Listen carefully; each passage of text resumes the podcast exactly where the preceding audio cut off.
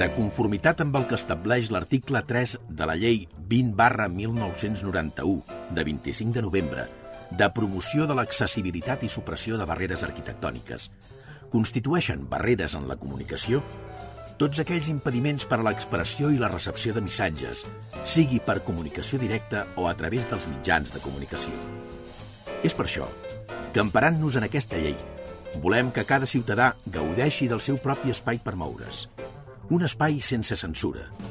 Un espai en què vosaltres sigueu els protagonistes. En definitiva, un espai per tothom. Benvinguts a Espai Vital.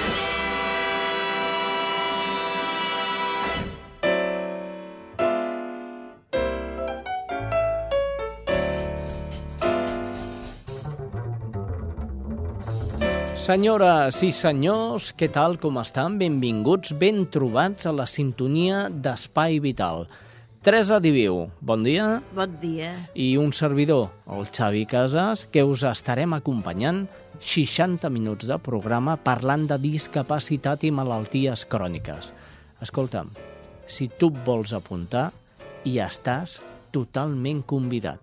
Benvinguts a l'Espai Vital.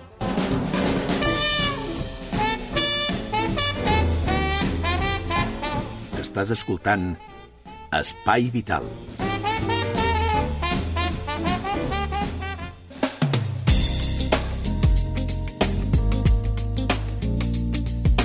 Avui a l'Espai Vital volem parlar, com sempre, de noves associacions, noves fundacions, o si més no, que últimament haguem conegut.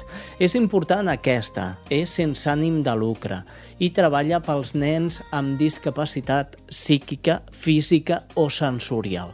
Per parlar d'aquesta fundació ens acompanya via telefònica l'Anna Agustí. Anna, bon dia. Bon dia. L'Anna és eh, professora de dansa, coreografia, ball, eh, interpretació. Anna, eh, què és el que fas tu? Bueno, hola, bon dia a tots. Bon dia. Eh, la Fundació Psicoara es dedica a ensenyar dansa. En realitat és dansa adaptada en aquests nois. O sigui, nosaltres no tenim cap pretensió de fer teràpia, ni molt menys, no és la nostra línia. La nostra línia és ensenyar dansa. Però, clar, la dansa s'ha d'adaptar en aquests nois amb les seves discapacitats. Per tant, nosaltres hem d'estar al tanto de cada un d'ells i saber fins on poden arribar. Eh, la meva feina és precisament la d'estar donant aquestes classes de dansa i estar pendent d'aquests nois, de cada un d'ells. El que passa és que amb els anys, doncs, he anat eh, agafant una miqueta més de responsabilitat i estic a sota de les ordres de la Janic Niort, que és la fundadora directora d'aquesta fundació, i doncs l'estic ajudant amb tot el que puc a nivell administratiu, a nivell coreogràfic i a nivell de qualsevol necessitat que tinguem a la fundació. Molt bé. Els nanos al qui va dirigir Psicoart és nanos amb discapacitat eh, física, psíquica o sensorial. Entenem sensorial com eh, persones cegues, persones mudes, persones sordes... Eh, és això, no? Sí. Suposo que... Eh, supos... que en realitat va començar sent eh, una fundació dirigida als nens amb discapacitat intel·lectual. El que passa és que cada vegada més la discapacitat intel·lectual es barreja amb altres discapacitats, ja siguin físiques o sensorials. I nosaltres el que fem és, evidentment, agafar tots aquests nois. Eh, és feina nostra poder arribar a treballar amb qualsevol d'aquestes discapacitats. Ara, diguéssim que la discapacitat física eh, adquirida és una de les coses que nosaltres en principi no estem tocant. Estem tocant les discapacitats físiques que ja venen, mm, diguéssim, com a part de la discapacitat intel·lectual que tenen, que cada vegada és més. Multidiscapacitats, finalment, són. Mm, multi, multidiscapacitat. Eh, Anna, eh, suposo que no és el mateix treballar amb una discapa discapacitat intel·lectual que una discapacitat física o una sensorial. Eh, com, com apliques les classes amb aquests nanos? De manera diferent? Tenen un rol a seguir diferent o, o per tots és el mateix? Aviam, en principi nosaltres estem amb tots, o sigui, som quatre persones que dirigim la classe i eh, fem com petits grups i també tenim ajudes de voluntaris que són o nois que estan fent pràctiques perquè nosaltres estem treballant en les instal·lacions d'INEF Barcelona i hi ha nois que estan fent pràctiques d'esport eh, adaptat i venen amb nosaltres, ens ajuden durant un temps. Llavors, o tenim aquests nois o tenim gent que ve com a voluntària perquè vol aprendre a treballar amb la discapacitat. Eh, Llavors, eh, hi ha moments, hi ha algunes classes on la discapacitat és més profunda, on cada estudiant, eh, o sigui, cada noi té una persona que està al seu càrrec. Llavors, si per exemple són nois que, tenen, que són invidents, doncs tenen una persona al davant que d'una forma diguéssim, manual, els hi fa treballar allò que treballen tots els altres. Eh, I això és, és així, depenent de cada noi, de cada problemàtica que tenim davant nostra, doncs nosaltres variem la composició de la classe. Ara, al final, tots estan fent exactament el mateix. Cadascú arriba a on pot i cada, cadascú arriba allà on pot com pot. Però tots arriben a fer exactament el mateix moviment. Molt bé. Quins són els objectius bàsics d'aquesta fundació? Mira, els objectius són principalment, principalment que tant els nois com les famílies dels nois, que això és ben important, eh, es donguin compte de que aquests nois tenen aquesta capacitat diferent del resto del, de la gent, però que amb aquesta capacitat poden fer coses. No, són, no, no han d'estar parats, senzillament perquè són diferents, sinó que poden bellugar-se, poden arribar a fer uns moviments ben bonics. Tant ells com, a, com, com les seves famílies, perquè repeteixo que moltes vegades les famílies per, tenen com una por a que, no sé, no sé ben bé a què, a treure el noi de, del seu món i els hi dona la sensació que coses que fan altres nois ells no poden fer-ho. Jo crec que aquests nois d'una forma diferent arriben a poder-ho fer quasi bé tot. Això és una cosa. Una part nostra és la d'impulsar la possibilitat de que eh, tothom pot arribar a ballar. L'altra cosa és que amb aquesta activitat els nois s'ho passin bé, o sigui que la, el fet de vindre a psicoar a fer dansa no sigui un rollo más que se tiene que hacer en la setmana, sinó que sigui, ostres, anem a psicoar i ens ho passem molt bé allà, amb la música, amb els altres nois, etc etc. que sigui un moment agradable per aquests nois. I la tercera cosa és que hi ha una part dels nois amb una discapacitat una miqueta més lleu, que aquests nois poden ballar amb teatres. O sigui que el, la tercera eh, acció que nosaltres tenim a dintre de, de la Fundació és fer moure aquesta petita companyia de nois amb altres discapacitats. I últimament aquesta companyia no està només feta o, o no, no només hi participen nois amb discapacitat, sinó que han començat a entrar noies i nois sense discapacitat com integrant-se en el món dels discapacitats, no al revés. Ahà. No és la discapacitat que s'integra, sinó l'altra capacitat la que s'integra amb la discapacitat. Efectivament, jo en diria, jo d'això en dic normalització. Això mateix, és per normalitzar-ho de veritat i que cap dels, dels que estan participant en la companyia es trobin diferents. Defujo de la paraula integració i, i acullo la paraula normalització. Eh, de fet, també oferiu possibilitats d'integració laboral i social, no? Sí. Mm, bueno, nosaltres estem intentant, perquè això és mm, complicat, crear dintre de la Fundació Psicoart un altre tema... Bueno, aviam, eh, nosaltres estem comen hem començat des de l'any passat, dintre de INEF, un monogràfic per ensenyar a treballar la mobilitat amb gent discapacitada. Això ho vam fer l'any passat al febrer i aquest febrer ho tornarem a repetir durant cinc, és un curs de cinc dissabtes. eh, que aquí hi pot eh, entrar-hi tothom, o sigui, pot entrar-hi gent que ve del món de l'esport, gent que ve del món de la dansa o gent que ve del món del treball amb discapacitat i que volen tindre més, eh, més eh, eines per poder treballar amb ells. Llavors, aquesta mateixa idea és la que nosaltres volem portar amb els discapacitats. Així és que hi hagi gent discapacitada que pugui treballar també donant classes de dansa a gent com ells. Aquesta és una idea que la Genic fa molt temps que té en el seu cap i en el seu ordinador, però que és molt difícil tirar endavant.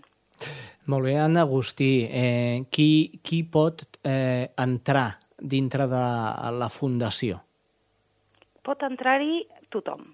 Senzillament s'ha de trucar al telèfon de la Fundació i parlar amb la Janic Niort, que és, la, ja ho he dit, la directora, i ella el que fa és una petita entrevista amb els pares o amb els tutors que portin aquell noi o noia, que no té per què ser petit, vull dir, nosaltres tenim des de nens petits fins a nois que ja són grans, qualsevol edat és bona per començar, i eh, la Janica el que fa és avaluar el, el punt de discapacitat que té aquell, aquella persona i la col·locarà en un grup o en un altre. Aquesta és tota la, diguéssim, la dificultat que té eh, qualsevol persona per poder entrar a Psicoart. Com totes les fundacions, suposo que també teniu eh, oberts camins d'investigació. Sobre què esteu investigant? Nosaltres, eh, diguéssim que les nostres pròpies classes són el nostre laboratori. Nosaltres, a través de la classe, fem investigacions de, bueno, de diferents eh, històries que tinguem al davant. I com que la Janica està treballant també dintre del món de l'INEF com investigadora, eh, doncs ella també, diguéssim que fa el seu treball utilitzant les pròpies classes. Enfoquem la classe cap a un costat o cap a l'altre, depenent del que sigui el punt d'estudi que tinguem al davant. Molt bé, si ens facilita aquest número de telèfon... Mira, el número de la Janic Niort és el 662 sí. 02 13 03. 662 02 13 03. Sí. Molt bé, el telèfon de Psicoart, en aquest cas, de la pues en aquest presidenta. moment no me'l sé, perquè no, no el tinc davant. No, cap problema, cap problema. Eh, el telèfon de... Em sembla que surt en els, en els eh, tríptics, -huh. aquells verds que et vaig donar. Bueno, em sembla que és el 93 441 19 76. Això mateix. Apunteu, 93 441 19 76. Una manera més de posar-vos en contacte amb la Fundació Psicoart és a través del mail. Eh? Això mateix, és o de la pàgina web fundaciopsicoart arroba gmail.com Això mateix. I si no, també el que deia la, la Anna és dirigir-vos a la pàgina web on trobareu totes aquestes dades eh, eh, que, que us hem donat. La plana web és les 3 www.psicoart.voluntariat.org.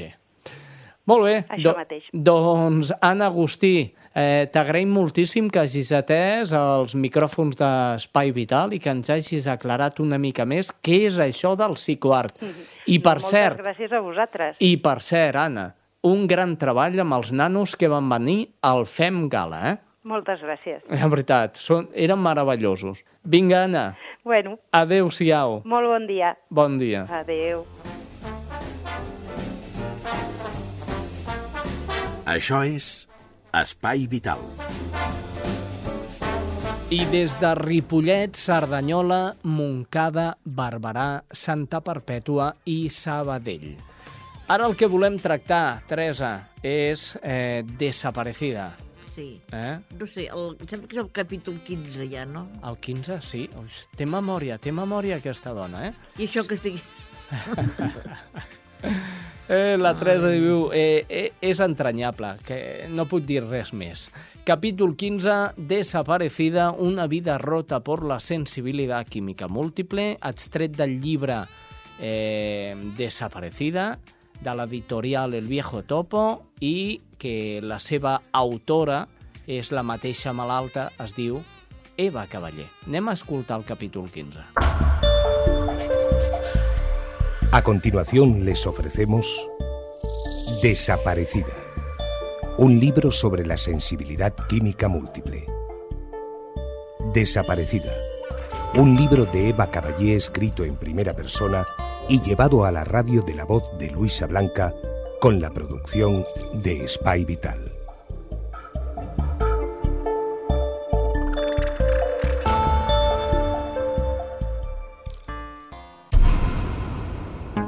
Llaman al interfono. Es la cartera que me avisa que trae una carta certificada para mí. Abro la puerta con mi máscara puesta, nerviosa, porque yo ya me imaginaba lo que sería. La incapacidad permanente en el grado absoluto para todo trabajo. Soy de las pocas afortunadas que la han conseguido por vía administrativa y por mis enfermedades. Lloro. Lloro de alegría, lloro de desesperación, Sabía que no podría aguantar físicamente un juicio, lo visualizaba y sabía que era imposible. Me sentía tan aliviada y a la vez lloro porque, aun en mis 30 años, ya estoy en el grupo de los pensionistas. El folleto con ancianos sonrientes que me enviaron adjunto me desespera. Tienen 30 años más que yo y están sanos, sonriendo y activos. Me parece insultante. Como mínimo podrían hacer un folleto especial para los pensionistas por incapacidad. ¿Dónde se ha ido mi vida? ¿Dónde están mis sueños? ¿Por qué nadie me preparó para que mi vida se rompiera tan pronta edad? Durante el mes en el que estuve descolocada empecé a ordenar mis emociones. Me sentía culpable de estar enferma. Era absurdo porque yo no tenía ese cueme por nada que yo hubiera hecho, pero no podía evitar ver la tristeza en el rostro de los míos y pensar que les estaba amargando la vida. No me parecía justo que ahora, cuando yo debería cuidar a mis padres, ellos me tengan que volver a cuidar a mí. No me parecía justo arrastrar a David a un futuro lleno de dolor y limitaciones, cuando él podría ser libre y vivir una vida sin esta agonía constante. Le insistí mucho a David que me dejara, que yo ya no le podía ofrecer nada y que a mi lado sería miserable. Le dije mil veces que se marchara, que fuera feliz, que no se lo reprocharía nunca. Él me dijo que su vida sin mí no tenía sentido y finalmente me hizo entrar en razón. ¿Le dejaría si fuera él el enfermo? Allí entendí que si el amor es verdadero, ya sea de un hijo, un padre o una pareja, hacemos lo imposible para seguir al lado de lo que es el motor de nuestra vida. Además, él insistió en que ahora lo peor había pasado. Finalmente sabíamos a lo que nos enfrentábamos. Teníamos mucho trabajo por delante para adaptarnos y seguramente yo mejoraría. Sus palabras me llenaron de fuerza y decidí volver a luchar y gastar mis energías en mejorar al máximo, que es todo lo que podía hacer para los míos. El duelo por mi diagnóstico había durado un mes. Si hay algo que me irrita es que constantemente David tiene que oírse decir que es un santo, y más de uno le comenta que en su situación me habría abandonado, que cómo aguanta a mi lado. Es insultante para él, porque no está conmigo porque sea un calzonazos conformista, y para mí, porque estoy enferma, pero sigo siendo la misma mujer con ideas y sentimientos de la que se enamoró. Y no soy una ciudadana de tercera, como me quieren hacer sentir por estar enferma. Pobres las parejas de estos egoístas. Espero que nunca desarrollen una enfermedad crónica o se quedarán solas sin darse ni cuenta. Estas reacciones me confirman que vivimos en una época donde la gente es cada vez más egoísta y materialista. Resultó que el TAC de pulmones que me hicieron dos días antes del diagnóstico al final sí que valió para algo. Sirvió para que en esa primavera la radiación me descontrolara totalmente la tiroides. Y cuando por fin debería haber empezado a respirar tranquila y centrarme en adaptarme, porque ya se habían acabado las visitas a los médicos, la angustia de no saber qué tienes y las pruebas absurdas, empezó otra pesadilla. Tuve un hipotiroidismo agudo con una gran inflamación de las tiroides que me tuvo más de dos meses en cama, con serios problemas para respirar y deglutir. David cogió vacaciones forzosas porque la situación era dramática, tanto que a pesar del hipotiroidismo empecé a perder peso rápidamente porque apenas podía comer. Con el diagnóstico empiezan las preguntas sin respuesta. Recibes un duro golpe y además ante ti se abre un abismo de incertidumbre y desamparo. En casa los muebles y el colchón me ahogaban, me causaban crisis constantes. Empecé a buscar información y casi no había nada. ¿Qué voy a hacer? ¿Quién me puede ayudar? Nadie. Si tienes suerte, consigues un diagnóstico, pero luego te dejan tirado sin orientación alguna, cuando la seguridad social debería tener una guía para que los enfermos de sensibilidad química múltiple pudieran adaptarse a su patología. Aparte del drama económico que implica adaptarse a una enfermedad que te desmonta totalmente tu vida anterior sin recibir ningún tipo de ayuda. Me harté de preguntar y finalmente empecé a buscar por mi cuenta. Necesitaba muebles. Y después de muchas horas encontré la solución. Muebles de acero inoxidable cuyas colas y pinturas no eran tóxicas. Empecé a respirar tranquila, pero no encontraba ningún colchón. Un día decidí empezar a buscar en Internet en inglés para ver si en otros países tenían productos que me pudieran hacer la vida menos complicada. Y entonces fue cuando se abrió ante mí un mundo de infinitas posibilidades. Cientos de tiendas con productos ecológicos aptos para mí. Reaccioné con una mezcla de entusiasmo y cabreo, porque por fin podría adaptar mi vida a la enfermedad, pero me di cuenta una vez más del gran atraso que vivimos en este país en temas medioambientales. Y por fin conseguí mi codiciado colchón. Tuvo que ser en Alemania. Sin darme cuenta, estaba haciendo un enorme trabajo de investigación que podía ser útil para otros enfermos. A los cuatro meses de tener el diagnóstico, salió a la prensa un caso de sensibilidad química múltiple, pero tratado como si fuera un caso raro y único. En vez de una enfermedad que se sabe que afecta al 0,75% de la población de forma severa y hasta un 12% de la forma moderada o leve. Estaba indignada. David y yo escribimos varios correos a programas de televisión y a la prensa para explicar la situación que vivíamos los enfermos. A los pocos días tuvimos la grata sorpresa de que nos contestaron de TV3, diciendo que me querían en el plató. Les conté mi situación, que me era imposible asistir, y como ellos mismos vieron que también era demasiado arriesgado traer un equipo a mi casa, me propusieron grabar un vídeo doméstico explicando mi historia y enseñando los cambios que habíamos hecho en casa, que fuera David en directo al programa y a mí me hiciera una entrevista telefónica. Y así lo hicimos. Ese mismo día decidí crear un blog, al que sin pensarlo bauticé como No Fun, para difundir el vídeo del programa y también el vídeo que habíamos grabado en casa, por si podía ayudar a alguien que estuviera en una situación similar a la mía. No Fun significa no tiene gracia, y denominé así al blog porque sufrir estas enfermedades no es nada divertido pero también porque es el título de una canción de The Stooges, uno de mis grupos de música favoritos. Lo que yo no me imaginaba es que este blog, nacido en verano de 2008 de forma precipitada, empezaría a tener vida propia y pasaría a ser parte importante de mi vida. Pocos días después nos llamaron para participar en otro programa de televisión, con una mesa redonda dedicada a las enfermedades raras. La sensibilidad química múltiple no lo es porque por definición las raras son enfermedades que afectan a menos del 0,0005% de la población, mientras que la SQM se sabe que afecta al 0,75% de la población de forma severa y hasta un 12% de forma moderada o leve. Pero igualmente David fue porque era una gran oportunidad para difundir la enfermedad y reivindicar la situación de indefensión total en que vivimos los enfermos. Al ver que cada vez más personas se interesaban por varios de los artilugios que mostraba en el vídeo, hice un artículo para el blog dando información de los sitios donde los habíamos comprado. Y así, poco a poco, me encontré compartiendo información con los demás enfermos, basándome en mi experiencia, y también me animé a traducir noticias que, a pesar de ser muy interesantes, no llegaban a nuestro país. Había vuelto la Eva de siempre, combativa, con ganas de lucha y menos políticamente correcta que nunca.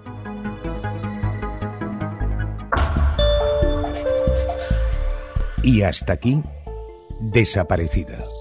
Un libro sobre la sensibilidad química múltiple. Desaparecida. Un libro de Eva Caballé escrito en primera persona y llevado a la radio de la voz de Luisa Blanca con la producción de Spy Vital. Desaparecida. Un libro de la editorial El Viejo Topo.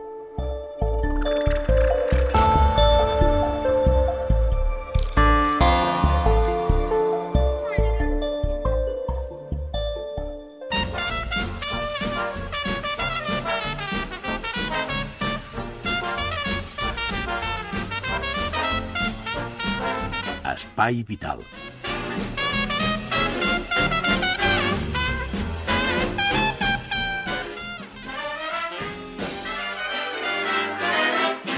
Senyores, senyors, senyoretes, senyorets, eh, se se senyores... Ja ho he dit bé, no? Sí, senyor. Bé, sí. bé, tu ets senyora no ets senyora? tu? Senyora, eh? Senyora. Sen doncs, senyora, Per molts anys. anem a donar una volta per les emissores del Vallès Occidental per conèixer quines són les últimes notícies d'última hora en quant a sanitat. Pues va pujar la cadira que t'hi porto. Comencem amb Cerdanyola Ràdio. Allà es troba eh, Mònica González. Bon dia. Molt bon dia, Xavi. Des de Cerdanyola Ràdio. L'Associació FADAM de lluita contra el càncer infantil ha inaugurat la seva nova seu, situada a una de les cases dels mestres amb un reconeixement institucional a la tasca i els reptes assolits per la família Manzanares, impulsora de l'entitat. L'acte inaugural amb una gran afluència de públic es convertia així en una oportunitat única per destacar l'esforç d'Antoni Montserrat, que l'any 2006 van constituir l'Associació de Familiars i Amics d'Àngel Manzanares, dos anys després de la mort del seu fill a causa d'un càncer. El president de la Generalitat, com a president d'honor de l'entitat FADAM, Artur Mas, inaugurava la seu de l'entitat acompanyat d'altres autoritats com el conseller de Salut, Boi Ruiz, el cap del Servei d'Oncologia Pediàtrica de l'Hospital de la Vall d'Hebron, Josep Sánchez de Toledo, l'alcaldessa de Cerdanyola, Carme Carmona, el president de l'associació, Antonio Manzanares, i el president d'honor del comitè executiu de l'entitat, Joan Claramunt, entre d'altres representants municipals, religiosos i de la societat civil en general. La FADAM, el local de la FADAM, s'oferirà a partir d'ara suport psicològic i assessorament en general a les persones que pateixen càncer, molt especialment als infants i les seves famílies. La nova seu està ubicada, com dèiem, al carrer de les Vinyes, número 13B, i obrirà en horari de tarda, de 4 a 7. La FADAM compta amb un grup al Facebook que té ja 15.000 persones adherides. A més, també disposen d'una pàgina web pròpia que és www.associacionfadam.org. I això és tot des de Cerdanyola Ràdio. Salutacions, Espai Vital. Salutacions, Mònica, gràcies per aquesta crònica. Anem ràpidament cap a Ripollet. Allà es troba la mm, mai incansable Reme Herrera. Bon dia. Salutacions des de Ripollet Ràdio. L'emissora municipal de Ripollet ha estrenat aquest mes de febrer el nou servei de ràdio a la carta ripolletradio.cat. Així, els oients ja poden cercar els programes que vulguin, com és el cas de l'Espai Vital, i escoltar-los en temps real des de la web o descarregant-los. A més, ripolletradio.cat també permet que els usuaris puguin escoltar la ràdio online en qualitat MP3. Ripollet Ràdio a la carta s'inicia amb un fons d'uns 700 arxius corresponents a la vintena de programes informatius i especialitzats que es troben actualment en emissió. Progressivament s'anirà allotjant una selecció de diversos espais que ha format part de la graella de Ripollet Ràdio al llarg de la seva història des de l'any 1997. El funcionament de la nova web és fàcil i molt intuitiu i la web també permet sindicar els programes i seguir-los mitjançant podcast. Esperem que amb aquesta iniciativa Espai Vital aconsegueixi encara més audiència. I això és tot per avui. Fins la setmana vinent. Doncs sí, senyora, així ho esperem. Eh, Teresa, sí, sí. més audiència, que quanta més gent ens escolti, Millor. més feliços serem. I tant que sí. Eh que sí?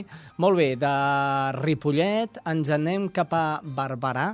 Allà es troba la Judit González. Salutacions des de Ràdio Barberà. El proper dijous 10 de febrer a dos quarts de set de la tarda, el Casal de Cultura de Barberà del Vallès acull una nova activitat. En aquest cas es tracta del taller de primers auxilis en lactants i nens organitzats des de l'entitat Barberà Creix Lactància i Criança amb la col·laboració de l'Ajuntament de Barberà. La xerrada tractarà sobre primers auxilis, traumatismes, cremades, asfíxies i intoxicacions relacionades amb els més petits. La sessió anirà a càrrec de Bàrbara Navarro, diplomada en enfermeria, màster en urgències i emergències. La xerrada és gratuïta i està oberta a tothom. Per participar cal inscriure's, ja sigui per telèfon, al 629 387 545 o a través d'internet, al web de l'entitat local barbaracreix.entitats.bdb.cat. Des de Bàrbara és tot. Gràcies, Judit González, com sempre tan eficient com eficient és la nostra amiga Sílvia Díaz des de Montcada Ràdio. Hola, salutacions una setmana més des de Montcada, l'Espai Vital. Avui tornem a parlar dels casos de l'hipotròfia semicircular que des del 2008 s'estan produint a l'oficina de distribució de correus del municipi. Treballadors del servei, acompanyats de delegats de la UGT i de comissions obreres del sector postal, es van concentrar el dijous 3 de febrer davant les portes del local per instar la direcció a tancar-lo de forma temporal fins que no s'esbrinin els motius pels quals nou treballadors de la plantilla pateixen aquesta patologia. Tots els casos afecten dones, una de les quals només fa dos mesos que va ser traslladada al local de Montcada. La situació més greu, però, és la d'una treballadora embarassada que denuncia que ni la mútua ni la Seguretat Social li volen donar la baixa. No obstant, cap metge li assegura que la lipotròfia no li afecti al fetus. El principal símptoma d'aquesta malaltia és l'atròfia del teixit gras subcutani, sobretot de la part davantera de les cuixes, i afecta, com dèiem, majoritàriament les dones. Des del març del 2008, poc després que s'obrís l'oficina, vuit treballadors n'han resultat afectats. A l'últim cas, eh, i el fet que la setmana vinent dues empleades més pendents pendents de diagnòstics passin a engreixar la llista ha motivat una denúncia per part de la secció sindical de la UGT a la Inspecció de Treball. A nivell municipal, l'alcaldessa Maria Elena Pérez ha enviat una carta a la Direcció Territorial de Correus per expressar la seva preocupació i demanar que s'adoptin mesures urgents. Pérez es va reunir el dia 2 amb els representants dels treballadors per posar-se al dia de la situació al local de Montcada. Doncs bé, això és tot. Fins la setmana vinent. Interessant aquesta crònica. Eh, la lipoatròfia muscular. Ja la vam tractar l'any passat, em sembla. Sí, sí, la vam tractar. De fet, és, és una malaltia molt comú en persones que estan assentades tot el dia i no fan exercici, no molt les cames. I... Bé, tot això ja us ho explicarem a altres, altres programes. Molt bé, seguim. Uh, ara què tocava? Santa Perpètua. Sí, senyor. Ella és Estrella Núñez. Bon dia. Salutacions des de Santa Perpètua. Actualment es duen a terme diverses obres al barri de Can Folguera que milloraran la mobilitat per a totes les persones ja que s'eliminen barreres arquitectòniques. Es tractava la segona fase de renovació de voreres del barri de Can Folguera que té un pressupost d'uns 195.000 euros i un període d'execució de dos mesos. Aquest projecte inclou la reforma i ampliació dels 2,40 als 6 metres de la vorera lateral de l'Avinguda de Jacint Verdaguer a l'alçada de la zona comercial. La regidoria d'Urbanisme ha informat que també es milloraran els accessos a la parada d'autobús d'aquest barri amb l'objectiu de facilitar la mobilitat dels usuaris i es realitzarà també el condicionament de l'entrada i sortida de l'aparcament de l'Avinguda de Jacint Verdaguer. La regidora d'Urbanisme, Maria Ángeles Sánchez, ha explicat que amb aquestes obres es suprimiran les barreres arquitectòniques de la via pública i també de la parada d'autobús. Al mateix temps també s'executen les obres de reurbanització del carrer de Rovira i Virgili. Aquest projecte té un pressupost d'uns 293.000 euros. L'actuació consistirà principalment en la urbanització d'un vial de plataforma única amb l'objectiu de millorar la mobilitat i connectar el passeig de la Florida amb les places de Federico García Lorca i de Can Folguera. Les obres també inclouen la instal·lació d'una plataforma de contenidors soterrats. La regidora d'Urbanisme ha destacat que des de l'edifici dels habitatges de lloguer de la gent gran fins al casal es podrà anar per una plataforma sense barreres arquitectòniques. Aquestes actuacions s'emmarquen dins del programa de millora de Can Folguera subvencionat per la llei de barris. La Generalitat també finança els treballs a través del Pla Únic d'Obres i Serveis de Catalunya. Fins la setmana vinent. Gràcies, Estrella Núñez. Un fort aplaudiment per aquests ajuntaments que el que fan és suprimir les barreres arquitectòniques per deixar visible la falta de movi... Mo, no sé què ho he dit bé, això. Mobilitat. Movi, falta de mobilitat, deixar visible... No, si, si dones mobilitat... Ai, sí, és que no m'entero. Home, que et deixin les aceres, els puestos de pujar nosaltres, ah que la gent no s'hi posi allà aparcat. En poques paraules, un aplaudiment per l'Ajuntament perquè ha tret barreres. I això és el que l'Espai Vital vol, sí senyor. Molt bé, de Santa Perpètua anem cap a Sabadell. No sé si a parlar de barreres o de què. Això s'encarrega la Karen Madrid. Què tal? Salutacions des de Sabadell. Avui us parlem de la campanya De què parlem quan parlem de drogues, que durant aquest mes de febrer arribarà als instituts de la ciutat per conscienciar els alumnes de quart d'ESO i dels cicles formatius sobre els problemes que suposen aquestes substàncies. Aquest any, a més, arriba amb una dada negativa sota el braç. Han augmentat els casos de drogadicció entre els joves a causa de l'augment de l'atur entre aquest col·lectiu. Paral·lelament, també han crescut els atacs de cor en joves a causa del consum de cocaïna. Per tot plegat, de què parlem quan parlem de drogues, ha renovat la seva metodologia i material per aconseguir més participació dels alumnes. En aquest cas, es faran tallers de dues hores cada un per trencar els mites entorn les drogues. Un total de 1.400 alumnes de 16 instituts formaran part d'aquesta cinquena edició de la campanya. És tot des de Sabadell. Bon dia. Eh? Era això, no? És tot des de Sabadell. Bon dia, bon dia, gràcies, Sabadell. Anem ara mateix, eh, perquè estic una mica poètic, Teresa, em ve la inspiració poètica. I hi ha una dona que té un programa de gent gran, eh, que fa un programa de gent gran, eh, que recita molt bé. Jo voldria que escoltessis aquest poema que ara ens ha dit, dedicat a l'espai vital. Escoltem-lo.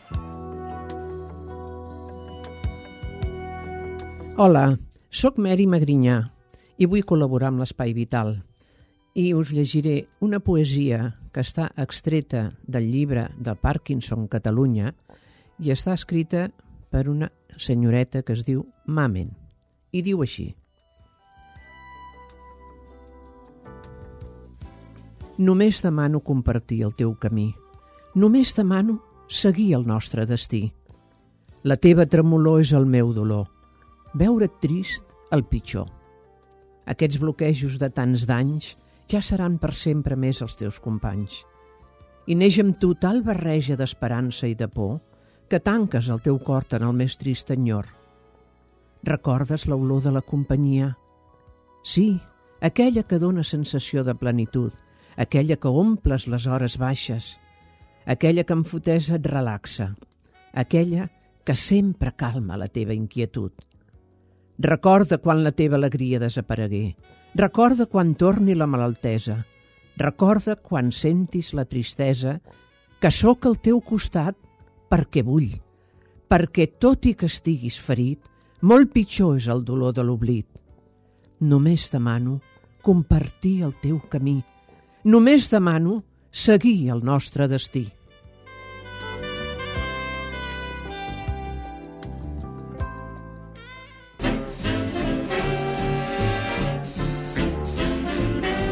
Estàs escoltant Espai Vital. I Espai Vital avui eh, és més sensible que mai amb una problemàtica que avui és el Dia Mundial del Càncer. Ah, així m'explico bé, ràpid, curt, i tothom m'entén. El dia 4 de febrer, que és avui, estem gravant des de Ripollet Ràdio el programa que s'emet per sis emissores municipals. Per això potser, quan escolteu el programa no és dia 4, però com avui que és 4 i gravem, ja ens interessa que sapigueu que ha estat el Dia Mundial contra el Càncer. Llavors jo tenia preparada una entrevista, però era molt llarga.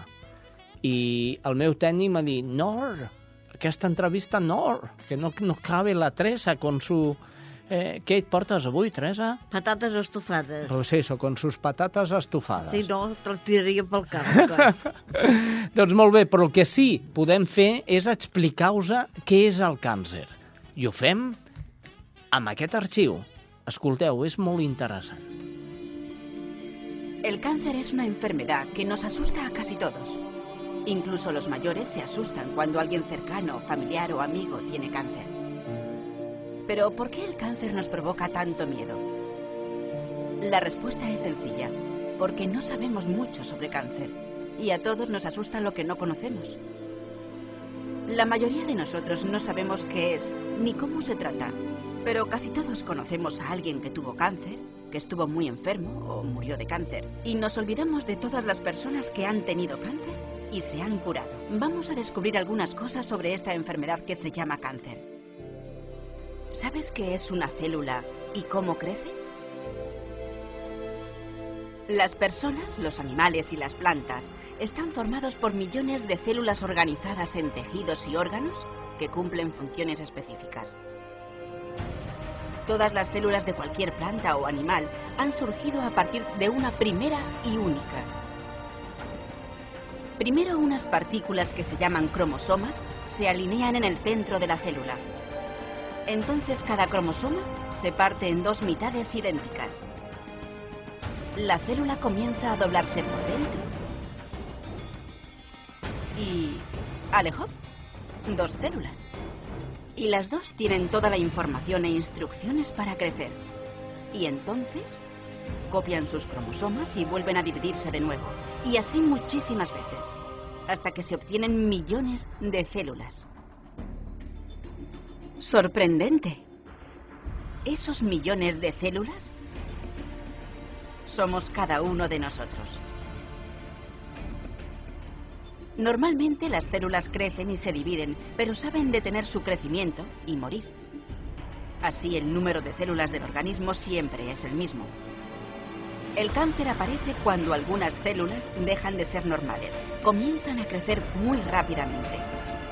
Para que lo entiendas más fácilmente, es como si las células hubiesen perdido su manual de instrucciones y funcionasen a lo loco. Además, estas células anormales crecen con una forma diferente y hacen un trabajo distinto al que deberían. Se produce un tumor cuando las células que no funcionan bien, o sea, las cancerosas, se agrupan en un lugar y pueden destruir las células normales que se encuentran alrededor.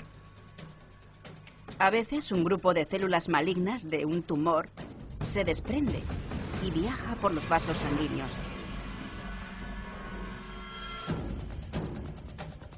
hasta desarrollar tumores en otras partes del cuerpo.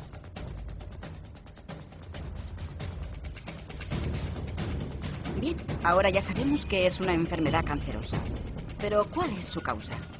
A pesar de que cada día los médicos conocen más causas que provocan el cáncer, todavía nos faltan muchas por conocer. Pero lo que sí se sabe es que no hay culpables, no es culpa de nadie. También se sabe que el cáncer no es contagioso. No se puede contagiar como un resfriado o una gripe. Puedes hablar, jugar, abrazar a cualquier persona que tenga cáncer. No te va a contagiar la enfermedad. El cáncer puede curarse. Y si conoces a alguien que esté enfermo, puedes ayudarle. Dale tu apoyo y tu amistad. Això és Espai Vital. I com dic sempre, des de Ripollet, Cerdanyola, Montcada, Barberà, Santa Perpètua i Sabadell. Mira, avui més ràpid que mai, eh? Ui, tant vas de pressa. Molt bé. Què? Perquè vas en cotxe. Vaig a... Oh, ràpid. Ràpid, ràpid, ràpid. Ràpid cap a la cuina de la Teresa Diviu. Avui, eh, estofat. De què? De patates i filet de porc. Molt bé. Ingredients. Ingredients. Un quilo de patates. Mm -hmm. 400 grams de filet de porc. Uh -huh. Una ceba. Un tomàquet i un gra d'all. I una fulla de llaurer. Sal i oli i aigua. Baby, won't you hold me tight? Glow until dawn, you will be gone. Anem traient eh, les cassoles, plats, olles... Tot preparadet. Quan tu vulguis, comencem. Mira, jo les patates, Mm. pues, el que no les pugui pelar, Sí. ja sabeu que n'hi ha en el congelats d'aquestes per estofar. De fet, aquestes són congelades, les que tenim aquí, sí? Va? Vale. Oh, no, no, que aquestes les he pelat jo, amb, aquell, Ah, sí? amb aquell aparato que tinc, que, Ai. que claves la patata Val, i amb una mà, clar. i amb una mà. Ah, doncs estan congelades. Qui les has congelat? No, maco, no. No? Tu estàs congelat.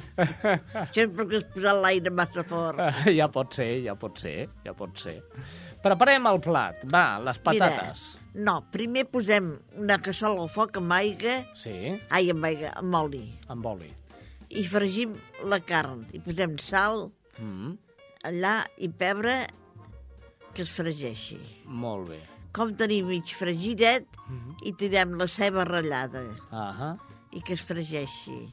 molt Com bé. allò que ja se comenci a enrossir, i tirem el tomàquet allà ratllat amb l'all picat. Piqueu un gra d'all a trossets Mhm. i ho tireu allà dintre i que es fregeixi.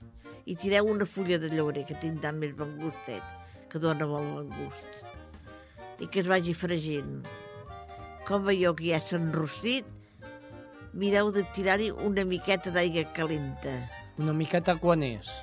pues, un quart de litro. Ah, val, val. Un quart de litro que correspon... O, o si no, A un vas, a un vas. Bueno, doncs dos gots posem. Ah, val, perfecte.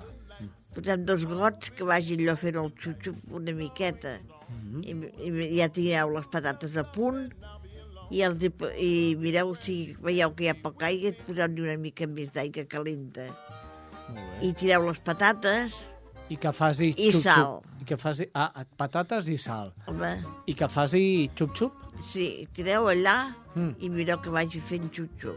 Molt bé. Eh, Hasta eh, que estigui quant cuiteta. temps? Quant temps? pues mira, les patates, no sé, un quart d'hora o 20 minuts que estiguin cuitetes i ja estarà. Doncs fem una, una, una parada musical aquí. Seem to stray far.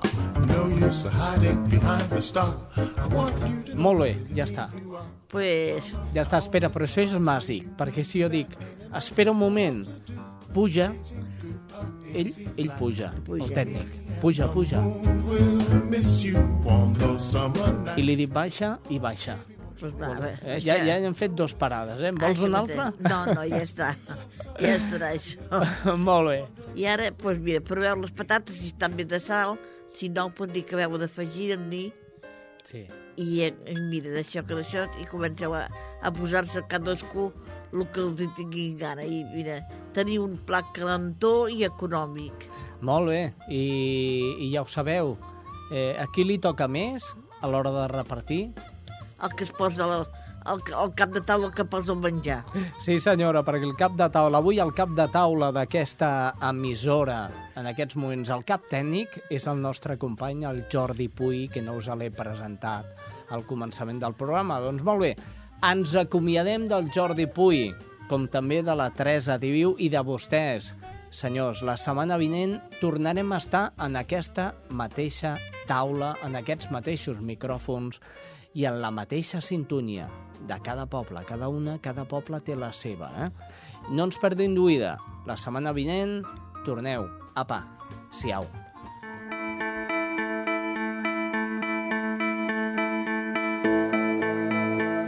We'll do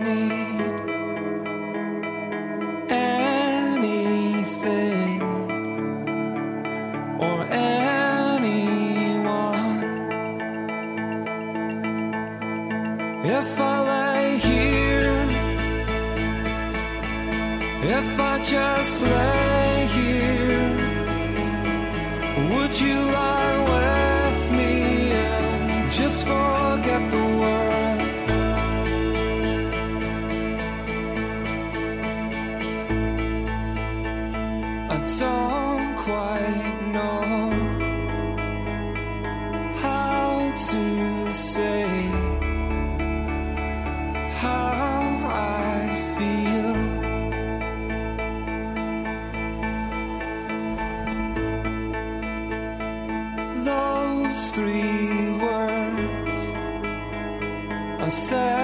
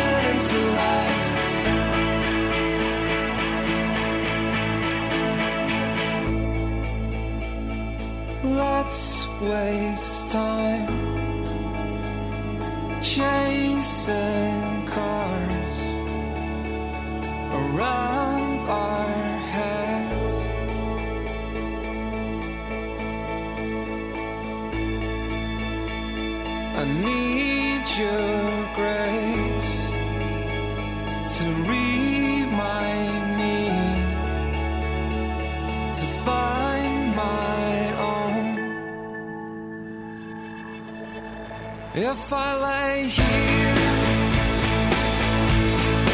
if I just lay.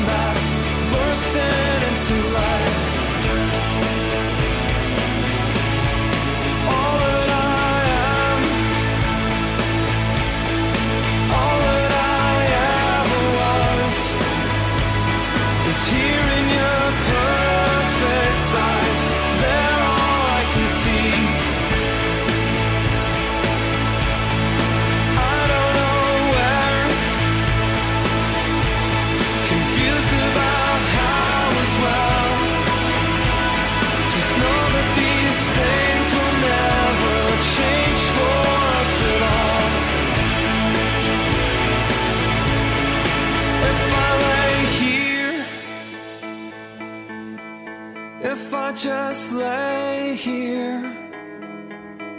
Would you lie?